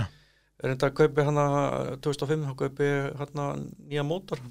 Já, ok, en samt eins þá eða? Já, þetta er þess að Big Block bara, bara aðeins stærri. Og Já, 540 kubik Og vildir halda áfram Big Block, þú veist, var eitthvað ástæða fyrir því að, að þú fórst ekki small block eins og það er nú svona vinsætli kostur þegar ekki torfarinni á þessum tíma. Jú, jú, það voru svona flesti með það sko Er eitthvað ástæða fyrir að þú helst áfram í Big Blockinu fyrst þú varst að fara að kaupa þér vél á hana borð? Uh, Það var eiginlega bara svona uh, bara praktískum ástæðum sko Það var bara- bara að nota dóti sem var, var til og If it works, don't fuck with it. Já, sem var til utan á þetta og, og náttúrulega þú bara búin að læra að kera með svona bíl, veist, þetta er náttúrulega alveg svolítið svart og hvít að fara yfir í smálblokkin og vera meira með þessa snerpu og allt þetta, veist, annað dæmi sem Gísli G kendi okkur með það þegar hann setti Big Block í, í sinn fyrir einhver akureyrakeppni og það var bara ekki sjón að sjá kallinn. já, þetta er náttúrulega þetta er náttúrulega allt öðru sér vinsla í þessu sko. Og þetta náttúrulega tógar alveg alveg fullt sko Já, já, en kannski snerspan ekki eins mikil sko nei, nei, þannig að það er Já, já. öðruvís akstu stíl sem Já, þarf að hafa en erfitt að segja hvort eitthvað sé betra en hitt, skilur þú veist. já, þetta er bara spurning uh, hver, hverju maður venn sko Já, nákvæmlega. það er bara og, hérna, og, og þetta er líka bara þetta er náttúrulega þungubill eða svona þannig lagað og hérna bara það er gott að hafa gott á í þessu. Nákvæmlega, Þa, og þeir eru náttúrulega allir þessir bílar sem voru smíðaðar hann 97, þetta er allt frekar þungi bílar er það ekki? Hvað var þinn í kílón?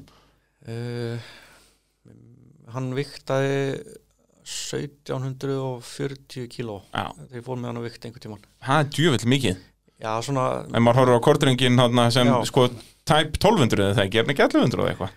já hann er eitthvað hann að kringum 1200 þeim mann veit. Eitthvað svo leiðis, það eru hann 500 kíló sem, að, Já. er, er, sem þú þarft að vera með aukarlega sko. Það varstu strax búin aðeins að skjóta því fótinn. Já, já, maður fann það líka þegar maður fekk að prófa hann að prófa, ég fekk að prófa bílni hjá Gunnar Gunn hann einu sinni.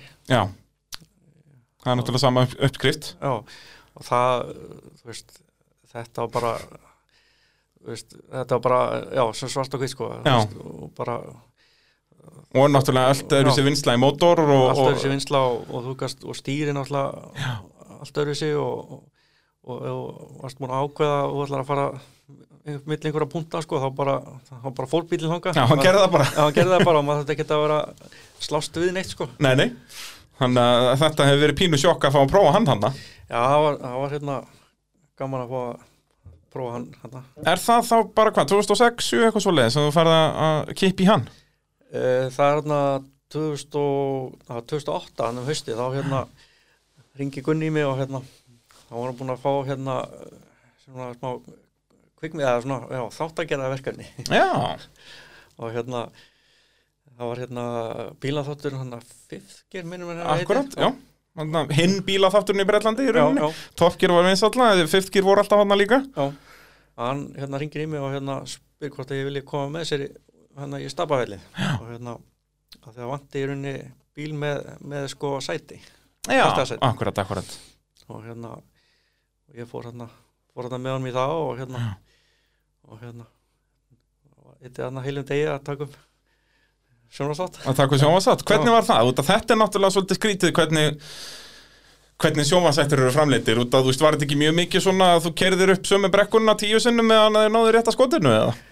já þetta var svona þetta var gaman að prófa þetta sko. Hérna sjá hvernig þetta ferli er. Akkurat og náttúrulega flott bara publicity í rauninni. Já já já, að hjóli þetta. Já, og hérna, já, já, bara líf og fjör. Já.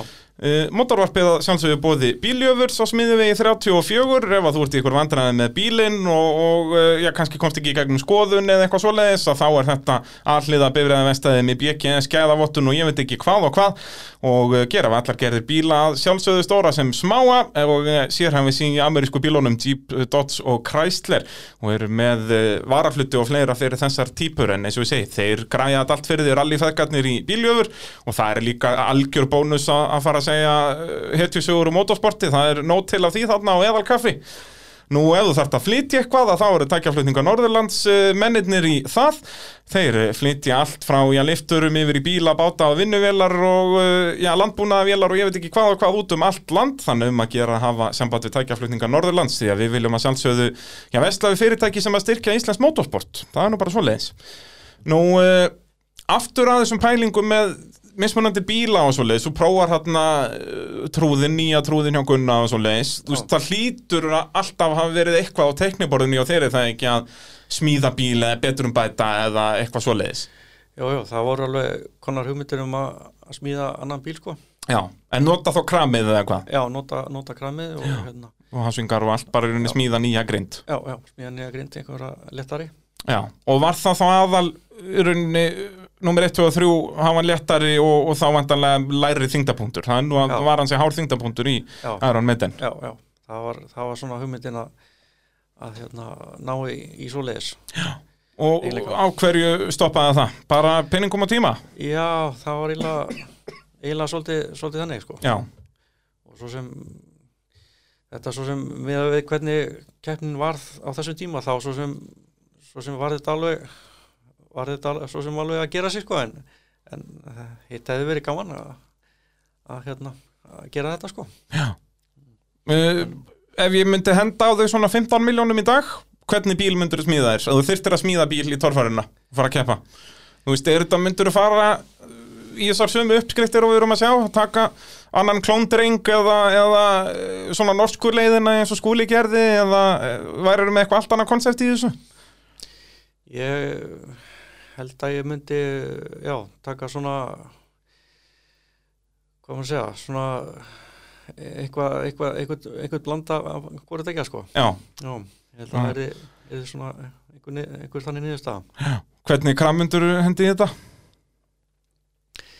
Ég held að ég myndi ég myndi halda áfram með, með, með Big Block sko. Ég mik- mikið búin að hugsa þetta og jú, jú, þetta er náttúrulega aðeins þingra og eitthvað en Ég ekki að þú gerur eins og haugur Já. en þá getur þú þurft aðeins meira en 15 miljónir já, þá já, er það bara vélinn já, það er svona það er að fara ímsa leiðir í því sko. Já, en hérna en hérna já, já, svo bara myndi maður nota þetta s- hefðbundna sem sagt, myndi náttúrulega nota annarkort já, Powerglide eða, eða C6 eins og þeirra að gera. Er C6 í bílum með skúla eða það, það er C6 já. Það er C6, já, já. Og svo bara ljóna kassi vantanlega og, og hérna einhverja bara uh, hásingar eins og eru að nota. Já, ég myndi bara nota svipað svipað uppsetningu og, og þeirra nota. Nýju tómi drif og, og svona heimasmiðu liðhús og, Akkurat, og, og allan þann pakka sko. myndir ekkert fara að finna upp hjólið í þessu? Nei, ég, það er bara bara fínt að hérna að nota það sem maður er búin að sjá að, að, virkar. Já, Ef þú ættir að velja bíl í torfærin í dag til að fara að keppa hver eru fyrir valinu? Vonum að skúli sem ekki að hlusta og segir eitthvað annan en hans. Já, Fyrir náttúrulega þá sem ekki vita þá náttúrulega vinnið þið saman í, á ljónstöðum. Já, já. Þú ert að að lappar fram með þeim bíl á hverjum einasta degi, ljóninu, nei hérna Simba. Já, a, a, a, Þannig að það er nóg að vera að tala um torfæru í vinnunni. Jú, jú. Það er hérna um, ég hugsa já, þetta er góð spurning. Um, já, ég hugsa sko Þú getur líka nefnt nokkra já, sko. já, bílinn á skúla, hann var, kemur mjög sterkur inn að það. Bara, bara virka flott og Ríkjandi meistari, ég menna það Já, er já, bara- erfitt að segja hann ekki. Já, nákvæmlega. En hver eru, þú veist, síðan náttúrulega hlýtur kortiringurinn að vera þarna. Já, uh, góðdrengurinn og hérna svo náttúrulega eh, maður að hugsa út í það að maður þarf að passa í bílinn sko. Já, það er, hefur þú máta kortiringin eða er það alveg vita vonlaust eða? já, einhvern tíðan settist inn í hann og þá, það var, held ég þegar Jón var með hann, Já. það, það var eitthvað mjög svona Og þér bara fór upp í bringu já, og það var, það var ekkert jákvæm sko. Þú ert náttúrulega alveg svona yfir, hvað erstu hár? 1.84, 5 eitthvað slags Nú já, þú ert nú ekki hærri en það. En það er samt, þú veist, og náttúrulega kortiringurinn, þú ferði ekkert aftar með sætið. Þú ert já, þarna, það er bara verið að já, Halli er náttúrulega smíða þetta bara utan um sig. Já, já. Og meira að segja sko er um eitina fyrir fiski, hann, hann, hann var of þröngu fyrir mig sko. Já, þeir eru, það maður sér það líka bara eins og þegar hann hérna Elias Guðmunds fekk uh, drauminn lánaðan eina keppni. Já, hann passaði ekkert inn í bílinn. Gestur er bara svo heppilega vaksinn fyrir torfæður og hann smelt passar hann að þeir eru allir þessir bílar þeir, og maður sá líka bara eins og þegar þarna á hellu 97 manni að það var byggja braga með svona innkarvél hjá Einari Gunnlaugs. Það sem maður sá hann og hann var bara með stýrið bara í klófinu einhvern veginn og, og Já. hnýjan liggum við út úr já. ég fatti þetta ekki sko. Nei, þetta er, þetta er alveg, alveg mér finnst alltaf, þetta, þetta er alveg, þetta er alveg vonlaus staða að sitja í, sko. já, Að, hérna, ég hef með prófað það í, bílunum mínu, sko, á sínum tíma að, hérna, að hann sér að kvalbakunum var alveg, alveg, alveg sléttur, sko, mhm. Og það var hérna, einhvern árið þá tók ég mig til og, og hérna, skar, sér að, úrannur það sem að, að, bensingjöfin og, og, og bremsanir og færið það frama, sko. Já, bara til að einmitt bara gera, gera, gera meira plás já, Það er náttúrulega númer 1 og 3 torfærinni þeir verða að líða vel í bílum já, það er svona og það, það skánaði mikið en, en það var samt ekki eins og ég vildi hefði vilja hafa það sko. það, hérna, og maður fann það líka hérna, aksturinn lagaðist helling þegar ég lagaði það sko. Já, akkurat. það er svona þegar maður gæti setið almennilega sko. Uh, En já, talandi um bílana sem er að keppa í dag uh, Þetta er Simbi, kortrengurinn já, Þú veist, núna er náttúrulega Raptor orðin svona já, Já, vinsæll í þessum pælingum. Þú veist, hvað finnst þér um Raptorinn? mér finnst það mjög, mjög flotti bíl og, og svona það sem að sé hvernig eins og fjöðrinni virkar í honum mér finnst það mjög, mjög flott og hérna og það tekist vel til með það sko Lítill bíl náttúrulega, það Já, er já. um að gera að Já. gera það á minni frekarni starri Ég meina þessi hliður er ekkert að, að breyka Þau eru bara að þrengjast ef eitthvað er Já, nákvæmlega. Svo finnst mér hérna bílni á Geirivert, það er mjög stað mjög hérna áhæfurur. Já, ég, get ekki beðið eftir að sjá hann með alvöru vélinni í sumar sko. Já, Það verður rosalegt já, ég, ég er svolítið spenntur að sjá það. Já. Að eins og örgulega margi sko svona, svona pínu svona skefti ykkur á þetta hvort þetta myndi virka en, en þetta bara þetta bara virkaði bara lótulega vel. Já, Mér fannst það og bara í rauninu öllum aðstæðum. Mér, mér fannst hann betri en hásingabíl í hliðarhalla. Mér fannst hann betri en hásingabíl í bör- börðunum. Í rauninu og tímabröðunum náttúrulega og geira verðt náttúrulega snillingur þar líka að keira já, Þetta einhvern veginn bara algjörlega virkar. Já, og eins og segi, bara núna komið rétt að vel að já, Hann verður helviti skeður já, það verður það Það bara, og kannski við förum þá bara eins út í þær pælingar, af hverju ekki, hvernig Íslandsmóti verður í ár. Þetta er náttúrulega komnar þarna, eh, hvað, þetta eru sjö keppni til Íslandsmeistar, er það ekki? já, Það er fjórar helgar já, og, og hérna, þú náttúrulega verður að segja skúli vinnur, annars bara færði ekkert að koma í vinnun á morgun. já, já hann, hérna, hann tekur þetta Hann tekur þetta, en hverjir verða helsta, helsta samkeppnin? Það er náttúrulega mikið, Þór Þormar náttúrulega komin á Raptori núna, er það ekki, ef ég er að skilja þetta rétt? Já, ég sk- skild það að að hann sé að fara á hann Og, og er það svoleiðis að allir er búin að kaupa kortrengin eða? uh, ég hef ekki heyrt af því sko Nei, ég, ég skildi ekki alveg hennan post þarna sem hann settur inn Hvort að allir ætla bara að mæti eina keppni eða hvað, ég áttaði mig ekki að þessu já, þetta er þetta er hérna uh, svona ómulegt að vita hvað þetta er hugfélagunum Já. að gera Það er, hvað segja slúðurveitur á, á kaffistofum Suðurlandsins Er, er snorra að fara að keppa eða? Uh, það síðasta sem ég heyrði þá ætlar hann að vera í pási í sumar. Það er svo leis já, Jus, bara, þetta er ekki gott. Já, þetta er þetta er hérna svona já, menn vera, vera hérna vera ákveðnir í þessu. En hverjir, hverjum spáir þú þá þarna í, í helsta slagnum á topnum? uh, já, það vera skúli og, og já, Þór ef, að, ef hann mætir og og Geir Evert vantarlega, við vorum að tala um hann. mjög, mjög skæður, það er ekki spurning. Hann Haukur með nýja vél. Haugur, það er svona já, það er hann er alltaf, er alltaf alltaf þarna Það vant, vantar alltaf einhvern veginn síðustu 5-10% hjá honum. Það er, hann er búin að vera í toppslagnum núna Já. bara síðan hvað, 2018 já, að berjast um Íslandsmeistaratitlinu öll árin. Já, En svona, já, ég veit ekki, veit ekki hvað það er, sko. já, það er svona já, já, hann vantar alltaf þetta smá hjá honum já. hann er með flottan bíl og, og allt, allt sem þarf sko bara- akkúrat. þetta er bara það, það, Vinnur reglulega keppnir og Já, já. oftast af velinu palli. Og, en það er líka svona sannar alveg hversu hörð keppnin er orðin. Já, þetta er hérna þetta er bara og, maður bara sér breytinguna frá því bara ég var að keppa þá hérna voru þetta kannski já, þrýr, kannski, kannski fjórir slás sko en, en bara eins og þetta hefur verið núna undanfarið sko. Bara þá er eiginlega bara allir möguleika sko. Já, já þú veist eins og bara blönd og svona síðasta sumar var besta sunnin á því að það er bara í síðustu brautinu gastu farið frá fimm, fyrsta niður í sjöðenda bara ef þú tapaðir 80 stigum. Já, já, Þú Veist, þetta er orðið rosalett og það er einmitt eins og þú segir á þínum tíma þá er þetta alltaf jú vissulega þrýr til fjórir að berjast um sigra kannski í keppnum en yfirleitt aldrei sömu þrýr til fjórir. Veist, það voru yfirleitt ekki þrýr til fjórir að berjast um titil yfir heilt sísón skiluru já, já þetta svona kom og fór sko að, Já, að, hérna, en núna einhvern veginn er þetta orðið miklu meiri slagur og náttúrulega líka bara þetta að bílarnir eru svo miklu meiri lægi núna. Það var mjög mikið þarna á, eins og bara á þínum ferli að þá var þetta alltaf einhvern veginn það mættu reglulega bílar bara líku við mættu í braut með brotin öxul eða hvernig sem það var skilur eða fretandi með ónýtan blöndung eða hvernig sem það var. Já, já, það hérna, þetta hefur breyst mikið þetta er og nefn, svona bara, bara orðið sterkara dóti í þessu og þetta er orðið gangvissara og þetta er bara þetta, er rosalega breyting í því. Er, og, sem að gera keppnina bara, bara miklu skemmtilegri. Akkurat, bara fyrir alla, Já, fyrir keppendur og, og áhörendur Já, það er bara svo leiðis Uh, ef við förum aftur yfir þinn feril, erum við að gleyma ykkur um svona stórum punktum aðna? Þú náttúrulega kemur með punta sko skrifað á blað sem ég kann að metta. Já, uh, þetta er svo sem bara við erum svona búin að taka þetta stærsta svona þannig, já. En uh, það er svona eitt atrið sem, að, sem við hérna, skautum nú yfir hérna í, Já. svona í alveg byrjun sko.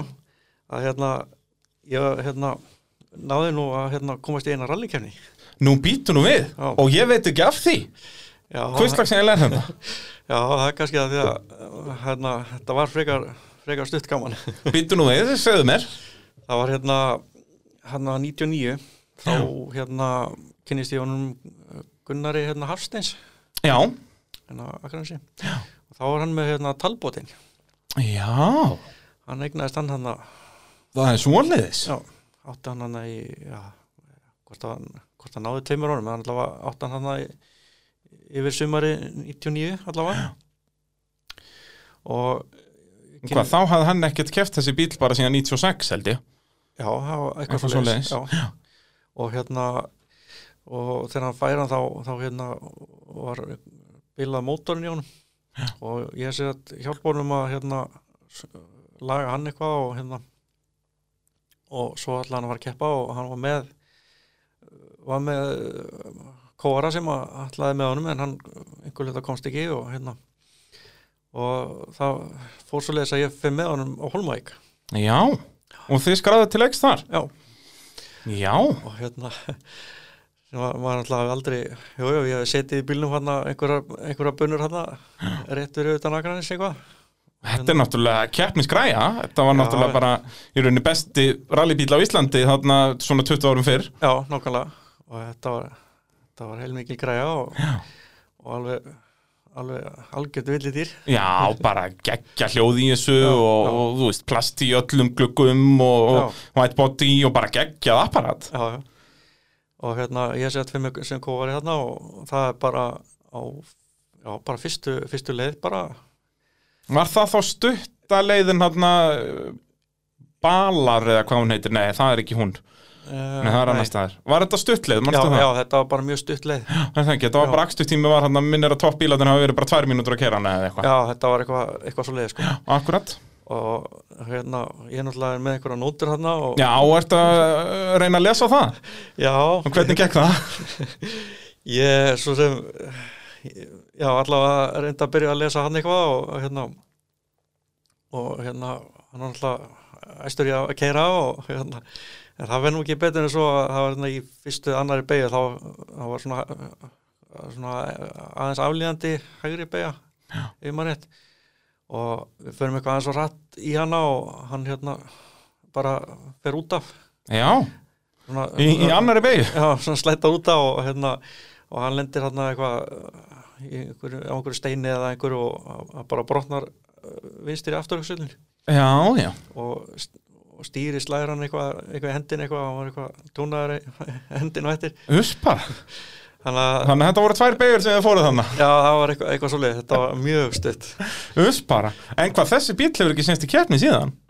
Það held ég ekki.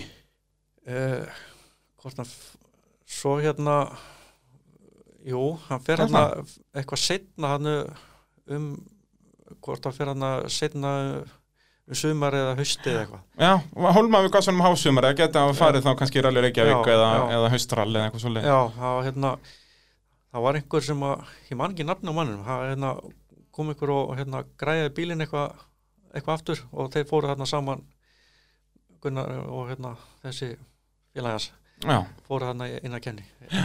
Svo held ég hann að við hvort það seldi hann ekki bara eftir það? Já, ég held það. Kaupir hann en ekki hérna hann uh, Gamli sem átt hann uh, í gamla dag Ég held að hann eigi hann ennþá í dag. Ég er búin að gleyma hvað hann heitir, hvurslags ég les þetta. Já, Íslandsmeistarinn frá 86 eða eitthvað svo leiðis já, já. Það hérna, var það hérna Ólafur? Nei, ekki. Ólafur. Hann, Af hverju, wow, nafnið, hann var alltaf í servis á Sigabra Ég er alveg búin að gleyma hvað hann heitir En það skiptir ekki öllu. Það, Hann Siggi bara allavega hann að tala um það sko, að Þetta er einn af fáum bílum sem hann sér eftir að hafa selt. Já, ég trú, trúi því. Þetta er, þetta er svona spesbíla svona, já, Já, og var náttúrulega bara frægur allibíl á sínum tíma bara í Já. heiminum Já, veist, og hérna í breskuralli náttúrulega sérstaklega. Já, Hérna, já, erum við að gleyma ykkur um sögum með það fyrir þetta að vera komið ágætt hjá okkur strákunum? Já, ég held svona mestu litið það, svona náttúrulega náttúrulega uh, tökum við hérna uh, síðasta tímabilið 2011 og þá Já. erum við- erum við komin í hérna já, fyrir þetta konu mín hún Erla, hún, við erum komin í hérna uh, stjórn Tófariklub Suðurlands. Já, alveg rétt, þá ertu komin hinum með hennu borðið. Já, þá, Og- og- þá hún er tekin við vorum svona já, fengin í þetta hérna, koma þess aðeins á náttúr og samt náttúrulega voru hann fleiri með okkur í stjórn.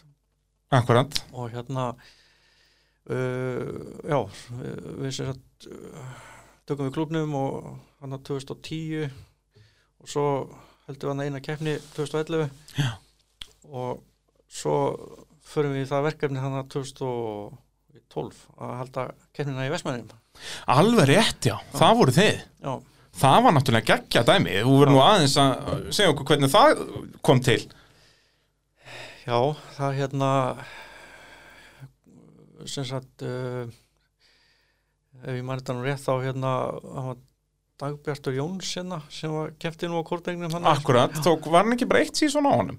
Jú, hann var hérna, já, hann tók hann eitt sísón og, ekki einu sinni fullt síðan hann tók hann einhverja tvættar kefnir Alltaf maðurinn sem, er, sem mann eftir einna fáum eigundum þessa bíl sem náði ekki að vinna á honum. Já, já, Alveg agalegt er track record sko. já, já. og hérna hann sem sagt uh, var, hvort það var að vinna út í Vestmannum eða Já. allavega þekkti hann eitthvað til þar og hérna og það kemur upp þessu hugmynd að hérna að halda kefni hana og, og það er bara farið það svona kannaði þetta hvort að þetta sé möguleiki og, Já, já, og hérna og, og það, já, já, bara farið það og hérna, svo fórum við fórum við með þess að hérna, já, við fórum með þess að hérna, hausti 2011, þá fórum við með að, fórum við með bíla út til þess að til þess að já prófa bara til svæði að prófa efnið Já, rauninni. já. já, og þetta er náttúrulega svo spes Þetta er bara vikur já, og, og hérna, en rosalega skemmtilegt sveiði þessi keppni var alveg frábær. Já, Ég bara sé ennþann dag í dag eftir að hafa mista af þessu. Þetta var 12 og 13 eða ekki? Já, það var 12 og 13 Og báðar frábæra keppnir. Já, Bæði, þú veist, tímabreytinda skemmtilega og náttúrulega, þú veist, þetta er hábrekka þarna og, og alls konar möguleikar á bæði börðum og trikki hliðarhöllum og mikið að tilþreifum og, og náttúrulega þetta geta sagt We're driving up a volcano. Já. Þú veist, það er grjótart dæmi, sko. Að geta bara í orðsins fylgstu merkingu verið að keira upp eldfjöll. Já. Og hérna og sett við bara förum í þetta og, og þetta bara hefnaði svona bara, bara vel þó að væri svona smá nökrar hana en, en hérna það náðist nú að leysa það Já, en þetta var rosa stemming, getið haldið að vera, þú veist, að að setja alla bílana í dallinn og Já, allt já. þetta, skilur já, að þetta vera var, að fala til útlanda en samt ekki til útlanda. já, já, svo var hérna var haldið svona smá sýning hérna og, og bílarnir voru kerðir hérna innan bæjar Alveg rétt. og haldið smá sýning og hérna þetta og náttúrulega, náttúrulega þá náttúrulega kemur Árni Kopsanna Já, kom sá að sigra því. kom sá að að þetta var legend. já, þetta var alveg algjör snild að fá, fá kallinn hann og, og sína hérna, sína hann gæti þetta nú alveg Heldur betur, það er einhver Já. gleynd. það er sko er bara svo leiðis og hérna mögnu keppni og, og, og hérna bara synda að þetta hafi ekki verið meira en semst, svæðið er eitthvað breytt núna eða ekki? Þetta, er eitthvað, þetta hentar ekki jafnvel núna eða hvað? já það eh, svona, svona skilstað þetta hérna að sé svona svolítið, svolítið breytilegt svæðið og það Já. svona hef, hefur ekki hefur ekki henda alveg nógu vel En þú veist, maður sér þetta alltaf, alltaf þegar að akstuðþjóruður fara í ný bæjarfjallög að þá eiginlega í hverju einasta tilfelli að þá er mættir keppendur frá því bæjarfjallagi í akstuðþjóruðina ári eða nokkrum árum setna. já, Þú veist, núna er annarkur maður í Vestmanni með torfæribíl, sko. já, já þetta er, þetta er, þetta er rosalega skemmtilegt að hérna, þetta svona, já þegar kannski kemur keppni á svæðið og, og hérna og svo kannski kemur einn með bíl og svo kannski koma fjórir, fimm á eftir eða eitthvað Nákvæmlega, og þú veist, Viki Mýrdal hann 2005 og núna er annarkur maður á Vík með torfæribíl. Já, já, þetta er, þetta er bara ekkert almennilegt bæjarfélag á Íslandi og sé til torfarabíl Já, nákvæmlega, sko, Vík eru náttúrulega að vinna það, sko, ég held að það sé alveg 100% sko, fjöldi torfæribíla per höfðatölu er langmest á Vík. Já, já Ég trúi ekki öðru. Já, ég held að þessi skori hátt þar Já, helvíti hátt. Já, Hérna, já, fer þetta að verða komið ágætt hjá okkur? já ég held að við séum bara nokkuð Við náðum að, við náðum að fara nokkuð vel yfir þetta. Já, já, þetta er svona ágætis uppröðum sko Já. og bara gaman að þetta, þetta sé verið til Ég held nákvæmlega, þetta verður, verður til uh, löngu eftir að við erum steindauðir. Já, Það er bara svo leiðis. já, það er ekki spurning Það er bara nákvæmlega svo leiðis og hérna, framtíðin, serðu þið fyrir að að fara að keppa ástur í torfærunni? Það er aldrei að vita hvað gerir sko en, en hérna e, það var gaman að veist að taka kannski einu og eina keppni eitthvað svona eitthvað í einhverju leikarskap en ég, Já. ég, ég, ég, Ertu, ertu búin með hinn pakkan? já, já, ég er búið með hinpakkan það, var alveg, alveg nóg sko var- En ég meina hvað, þú, þú getur nú ekki verið á betri vinnustad til að fara að smíða þar torfæribíl. Já, það er svo sem var það er leikur þannig sko Já, bara rétt að nokkur yfirvinnu tímar og nokkra helgar og það er skyndilega búin að byrta torfæribílinn á gólfi. já, Þetta er ekki lengi gert á náttúrulega já þetta, er, þetta er hérna þetta er þetta hérna koma þessu upp á, á góðum tíma ef maður hérna ef maður setur sér niður við það. Mm. Já, eins og við sáum bara miljónið og simbann að þetta, Já. þetta byrtist bara. Já, nákvæmlega. Þetta, er, þetta, er, þetta er náttúrulega alveg mjög svona mikil hérna hlunnitin sem að getur við sagt svo að hérna að hafa alla græður við hendina hérna, að og bara stærstu, stærstu torfæru heila landsins. Já, já, já, bara svoleiðis. hafa þekkinguna innan hús líka það er alveg það er telur mikið Ég myndi halda það. Hvernig er að vinna á ljónstöðum? Er þetta ekki eintóm hamingja að vera hérna bara í, í hjarta torfærunar? já, þetta er, þetta er mjög svona, svona skemmtilegu vinnustæður sko. þetta er alltaf, alltaf mikil reynsla og, og hérna bara, og bara góði strákar sem er að vinna þarna Já, það er bara þannig það ég get trúa því. já. Uh, Leo, frábært að fá þig í spjall Já, bara takk fyrir að fá að koma, þetta var bara snill.